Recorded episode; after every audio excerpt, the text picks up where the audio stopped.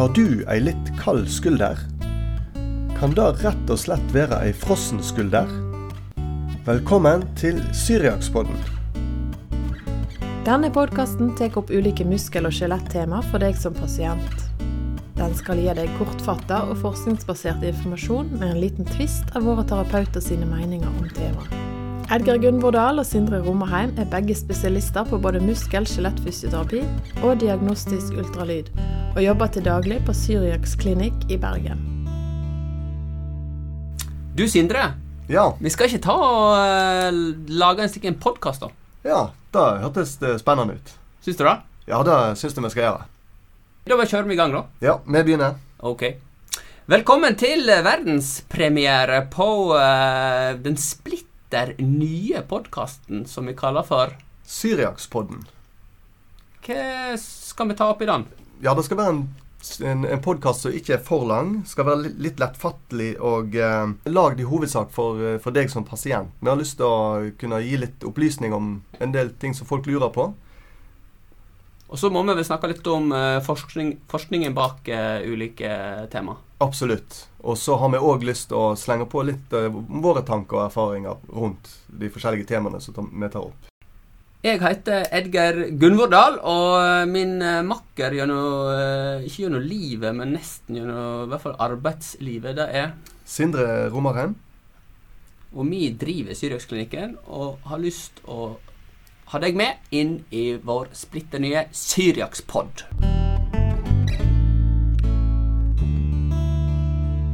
Jeg hadde en pasient jeg, eh, for ikke så lenge siden som eh, kom til meg og spurte eh, om et sånt kuldedrag og litt sånn kjøle, kjølig følelse ned ved skulderen. Om det kunne være begynnelsen på en frossen skulder.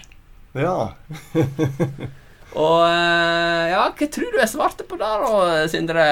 Nei, da, Har frossen skulder noe med en kjøl, kjølslig følelse å gjøre? Nei, det har jo ikke det. Vi har jo et uttrykk òg som heter 'å vende noen en kald skulder'. ja. Og det er, det er jo heller eh, ikke noe som har med, med frossen skulder eh, å, å gjøre. Når er det du tenker at dette er en frossen skulder når du får inn en eh, pasient? Hva er det første du tenker da? For det første så er jo frossen skulder kanskje den diagnosen vi ser eh, oftest inne på eh, Syriaksklinikken. Og uh, det er litt fordi at uh, vi får ganske mange henvisninger på akkurat den type pasienter. Men det er òg fordi det er veldig hyppig, altså. Det er ganske mange, og det er som regel folk mellom 40 og 60 år som, uh, som har en frossen skulder. Hvis de er yngre enn eh, 40 år, da eh, lurer jeg ofte på om de kan ha en idrettsskade i tillegg. En akutt eh, skade. Og hvis de er over 60 år, da lurer jeg litt mer på om det kan være en slitasje i skulderen. da. Men hvis de er mellom 40 og 60 år, så er det veldig ofte at en tenker på en frossen skulder. Mm. Ja. Og det er jo eh, interessant. Det er jo en av de eh, diagnosene som har et veldig sånn passende navn. For eh, det er ikke det at skulderen er kald, men det er mer det at skulderen er stiv i et visst mønster. Det er det som eh, Og det er ganske Når du har sett en del tusen frosne skuldre, så er det relativt lett å kjenne igjen en frossen skulder, altså. Mm. Ja, hva er, hva er det eh, de forteller deg, da, som eh, kommer inn og har en, en frossen skulder? Hva er det typiske de Ja, Vi har to typer. og Det har de som har fått en akutt skade. Et, et fall eller traume av en eller annen sort. Og som eh, da eh, ikke var så fryktelig vondt med en gang, men som utvikla seg til, ganske kjapt til å bli stiv og, og vond. Men det er ikke den vanligste typen. Den vanligste typen det er de som bare helt ut av ingenting har fått en gradvis større og større smerte. Gjerne kanskje over seks måneder, faktisk. Ganske lang tid. Og der skulle den egentlig bare bli stivere og stivere. Mm. Det er den vanligste, vanligste historien å høre, da. Ja. Men hvor, hvor, det, eh, hvor opplever du at de kjenner, kjenner smerten, da?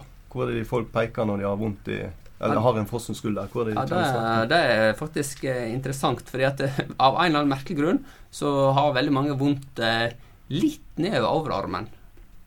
ikke midt på overarmen, ikke på biceps, men litt nedenfor skulderen. Ikke akkurat på der som mange vil tenke at skulderen sitter, men litt nedenfor. Og så kan det være strålende smerte nedover, helt langt ned mot albuen.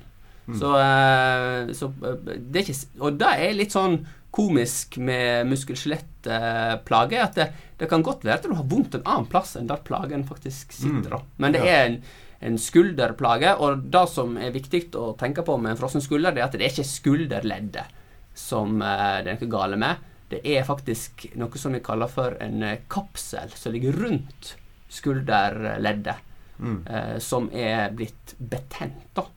Eh, og da, derfor så heter frossen skulder på fagspråk, fagspråket kapsulitt. Mm. Kaps for kapsel og it for betennelse. Mm. Så da er Har du hatt eh, mange frossen skuldre siste da, Sindre? Ja, det ja, det er jo Som Så du sier det er jo en av de litt vanligere skulderdiagnosene som vi ser her på, på, eh, på Syriaksklinikken. Så, så det har jevnt eh, tilsig med, med den diagnosen. Så eh, Men hva tenker du om, eh, om, om det, altså, du har jo, du har jo liksom historien, og du Mm. har liksom eh, eh, pasienten innom, og du ser det. Men hva tenker du da om MR, CT og ultralyd? Mm. Altså tekniske bevis på at folk faktisk har en frossen skulder. Hadde det noe, noe verdi? Ja, eh, en, eh, både på ultralyd og på MR så kan en eh, iblant se en, en fortjukning av, eh, av leddkapsel, og gjerne litt væske i, i leddet. Men samtidig så er vel eh, min erfaring i alle fall at, eh, at klinikken er vel så bra. Og, og hvis jeg var nødt til å velge eh, om jeg skulle vurdere om noen hadde en frossen skulder, og jeg hadde kunne velge mellom å undersøke det klinisk eller å, å enten bare ta ultralyd eller MR, så hadde jeg nok valgt den kliniske undersøkelsen. For den er veldig tydelig, som regel. Klinisk undersøkelse, hva er det slags uh, fisefint ord? Ja, det er, det, er, Hva- rett- det? det er rett og slett uh, de testene som vi gjør når en, når en har en pasient inne på kontoret sitt. Når pasienten er på besøk til deg, altså. Ja, ja. Så uh, tekniske hjelpemiddel er ikke sånn veldig eh, effektivt og Det- interessant, egentlig. Det er ikke nødvendig, men, men det vil jo være med å kunne bekrefte en diagnose, sånn at Ja. en blir enda tryggere på at ja, vi har riktig diagnose på denne pasienten. Men i og med at smerten kommer først, og stivheten etterpå, så er det vel kanskje da sånn at i tidlig fase så er det ikke spesielt verdifullt med MR. Eh, mens litt lenger ute så kan du kanskje se den på MR. Ja, det vil jeg, det? det vil jeg tenkt òg. Mm. Og så kan det jo òg hende da at hvis eh, folk med en frossen skulder kommer veldig tidlig, eh, kanskje bare ei uke eller to etter at de har hatt et fall, f.eks., og før den tilstivningsfasen kommer, så kan en eh, lettere komme til å tro at det ikke er en frossen skulder, men f.eks. en, en slimposebetennelse. Mm. Ja, men eh, hva tenker du om eh, behandling, da? Det, det, det er jo alltid, alltid sånn at når pasienten kommer på eh, en konsultasjon eller en time i oss, så eh, eh, syns jo vi det er stor stas å sette diagnose på folk og snakke om hva, eh, hva, som, eh, hva som feiler dem. Men det er jo ikke folk som veldig interessert i i bunn og grunn. De kommer jo her for det neste spørsmålet som jeg skal tenkte jeg skulle stille deg, og det er jo hva kan vi gjøre med dette? Det er jo det folk er interessert i. De vil jo komme seg videre her i livet. Ja. Er det snakka med operasjon? Er det bare å skjære vekk det vonde? Det er, er vel gjerne mitt inntrykk av at, eh, at operasjon det er noe som en prøver å holde igjen på, eh, på denne diagnosen. Nå skal det jo òg sies at eh, dette er jo en diagnose som eh, i hovedsak har veldig gode prognoser. For det er en tilstand som før eller seinere eh, går over av seg sjøl. Hvor lang tid tar det da? Ja, da, da snakker en eh, gjerne to, to år pluss, minus. Ja. Og mann 45 med en travel jobb, han syns det er helt ok å gå rundt og ha dritilt i eh, to år? Nei, det er jo det som er kanskje det som en må vurdere. sant? Eh, Nå er det jo noen som kan ha et litt snillere forløp med, med litt mindre symptomer, og som på en måte eh, kanskje kan leve med, med symptomene som de har. Men, eh, men mange vil jo oppleve en del nattsmerter og problemer med å sove. og eh, ja, og rett og slett må ut i sykemelding. Og, og da å gå sykemeldt i i ett år, halvannet eller to. Det er jo ikke helt greit for de fleste. Ja, og da får en jo òg problemer med arbeidslivet. Mm. Sånn at eh, hadde en gang en rørlegger som var selvstendig næringsdrivende. Han eh, hadde hatt eh, i et år og kom til meg. og eh, han hadde ikke hatt noen form for sykemelding, og var heller ikke interessert i noen sykemelding. Og det er jo litt interessant da, at når du er, har en veldig stor egeninteresse av å, å stå i jobb, ja. så da Så strekker du deg sabla langt for Ja. å ikke bli sykemeldt. Og det er jo nesten Ja. helt utrolig at du kan jobbe som rørlegger med en frosenskulder, for det er ilt, altså. Ja, sant. Og så er det jo òg litt forskjellig grad av stivhet. Jeg tenker jo på eh, ja, Hvis du er elektriker f.eks. og må jobbe med, med armene over hodet oppe i taket mye, sant? så er det jo, det er jo kanskje nesten ikke mulig å, å kunne være i arbeid med, Nei, det- med en skulder som er, er for stiv. da. Nei, det tror jeg eh, er Ja, da ser jeg Mm. veldig opp til det hvis jeg klarer det, altså. Det er ikke mulig, egentlig. Ja, ja. Men, eh, men ikke operasjon, da. Det er, eller det, hvis en skal operere, hva gjør en da? Skjer en eh, liksom vekk det vonde? Det er jo det som er tanken. De fleste tenker jo med en operasjon. Da skjer vi vekk det vonde. Er det egentlig mulig når det er en sånn tynn kapsel som ligger rundt leddet, da?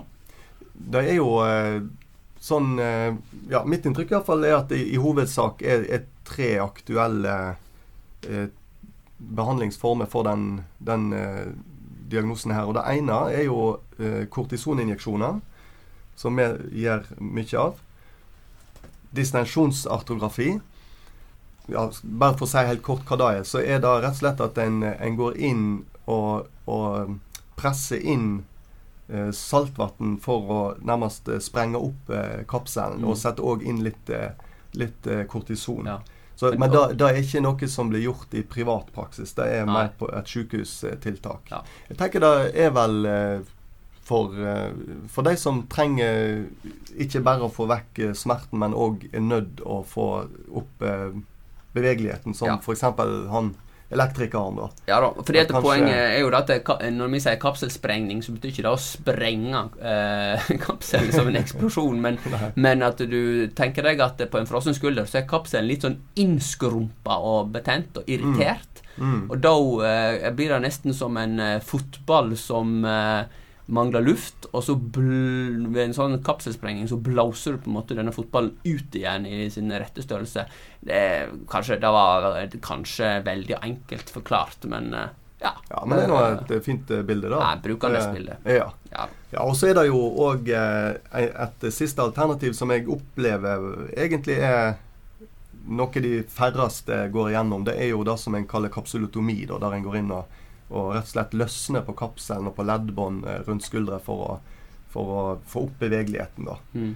Og, eh, men Da har alt blitt så innskrumpa Mm. og, eh, og, og irritert, og kronisk, ikke minst, at, mm, at en da må nesten skjære litt i Mm. denne her ja, kapselen for å få den litt mer utvida. ja. Hva tenker du om rekkefølgen på disse tiltakene? da? Det, hva ville du valgt først? Jeg ville først prøvd en injeksjon. Eller fire, kanskje. Hvis ikke det hadde fungert, så ville jeg ha vurdert eh, en eh, operasjon eh, Mm. av en eller annen art. da.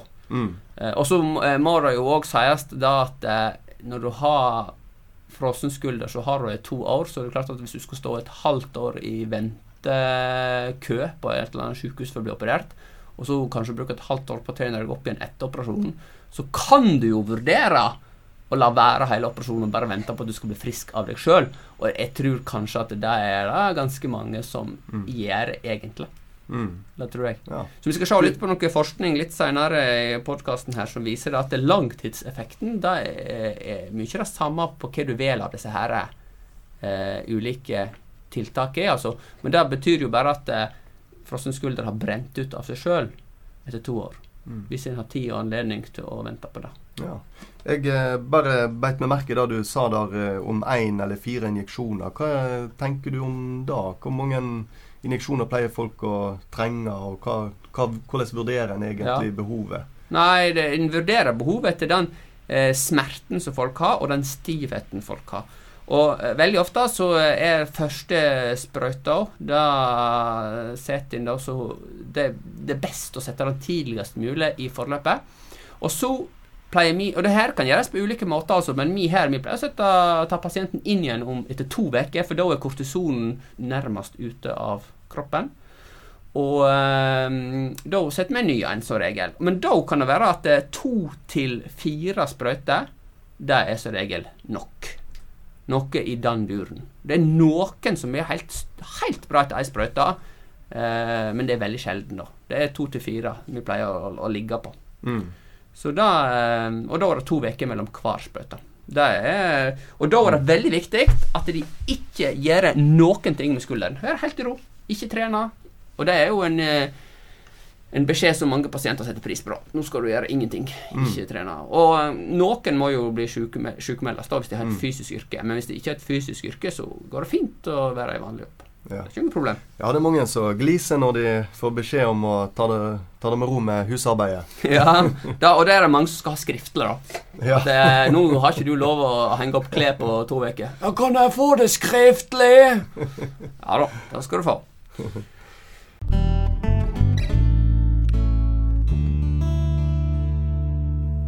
Vi må vel eh, snakke litt om forskning òg, Edgeir. Og vi har en eh, studie her. Og i denne eh, studien så var det kortisoninjeksjon eh, mot frossen skulder som var testa ut. Det var 106 pasienter som var med i denne studien. De 106 pasientene ble da eh, tilfeldig delt inn i tre grupper. og eh, Den ene gruppa fikk eh, injeksjoner. Eh, den andre gruppa fikk injeksjoner med en liten sånn, eh, en sånn saltvannskapselsprengning i tillegg. Og Der var vel tanken òg at, eh, at det kan gi en påvirkning på, på leddkapselen. For det har vært andre studier som òg har vist at det kan gi en tilleggseffekt. Ja. Så da tror jeg tanken var å sammenligne de to metodene. da. Ja, og så den tredje gruppa da ble da ei kontrollgruppe som eh, fikk vanlig fysioterapi. Og da kan en jo selvsagt stille spørsmål ved hva vanlig fysioterapi er. Eh, for det er vanligvis noe vi egentlig ikke anbefaler på frossen skulder. Men eh, vanlig fysioterapi kan bare være eh, da å, å, å takle smerten og eventuelt få noe smertestillende og litt råd og sånne ting. Ja, og, og litt smertestillende òg var jo eh, et alternativ i den gruppe tre. Og det som er resultatet på eh, studien til Sjarma her i Bergen, da var jo da at, eh, at eh, den gruppa som fikk kortisoninjeksjoner, og den gruppa som fikk kortison med saltvannsinjeksjon, de var, hadde like gode resultat, men de hadde klart bedre korttidsresultat enn den gruppa som fikk ingenting, eller fysioterapi. Uh, men på lang sikt så hadde alle tre gruppene likt like resultater. Og det er jo ikke løye når, når tilstanden går over seg sjøl etter to år allikevel. Mm. Så uh, inter veldig interessant uh, med studier som er kortreist da, i disse dager. Kan du bare skyte inn der at uh, Det som jeg syns er litt interessant med Sharma sin studie, er jo at det ligger jo nærmere vår praksis. Ja. Og hvordan vi pleier å drive i, i vår hverdag. da. For at en, en god del studier som blir gjort, er jo, blir jo gjerne gitt én injeksjon. Mm. Og, og da er det gjerne ikke nok til å, å på en måte sløkke, sløkke tilstanden, eller ja, det er sant.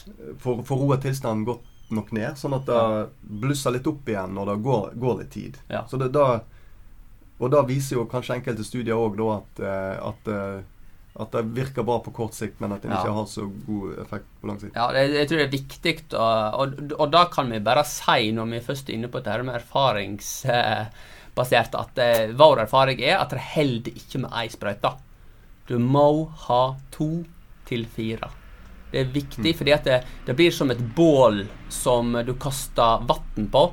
Og så kaster du ei bøtte, og så er det fortsatt glødende kål igjen på bålet, og da kan det blusse opp igjen. Ei hel bøtte i et bål, det holder kanskje, men eh, Ja ja, men eh, så tar vi litt mindre, da. Men eh, du må ikke du ødelegge alle de gode poengene som jeg har ligget vaken hele natt for å, å, pønske ut. Eh, ja. Nei, jeg, jeg syns det var et godt poeng. Ja, godt God beskrivelse.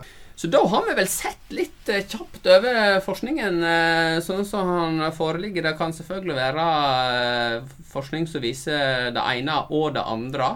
Men dette her passer ganske godt overens med den praksisen som vi driver, og som jeg tror blir drevet på lik type klinikker rundt omkring i Norge. Mm, ja. Så da veit du som lytter, hvis du har en frossen skulder, litt om hvordan du eh, Hva som gjør at du har fått det. Det er rett og slett ingen som veit. Og du veit litt om eh, om behandling, og du veit litt om langtidsutsikten. Syriakspodden den er meint som en eh, litt sånn lett podkast for deg. Eh, og eh, jeg tenker at eh, vi skal blande litt forskning og erfaring. Og jeg tenker at eh, hvis du har tilbakemeldinger på eh, verdenspremieren på Syriakspodden, så må du bare gi oss en tilbakemelding. Lurer du på hva slags artikler vi har brukt, så legger vi det ut på eh, nettsida under podden, sånn at du kan kikke på eh, de artiklene om du eh, vil lese litt mer på det. Og ellers så må du selvfølgelig bare ta kontakt. Vi liker jo eh, å få tilbakemeldinger. Da eh, takker vi for i dag. ja. Takk for i dag. Takk for at du hørte på Syriakspodden. Håper du har fått svar på noe av det du lurte på. Gi oss gjerne en tilbakemelding på hva du syns, og om du har tema du kunne ønske at vi tar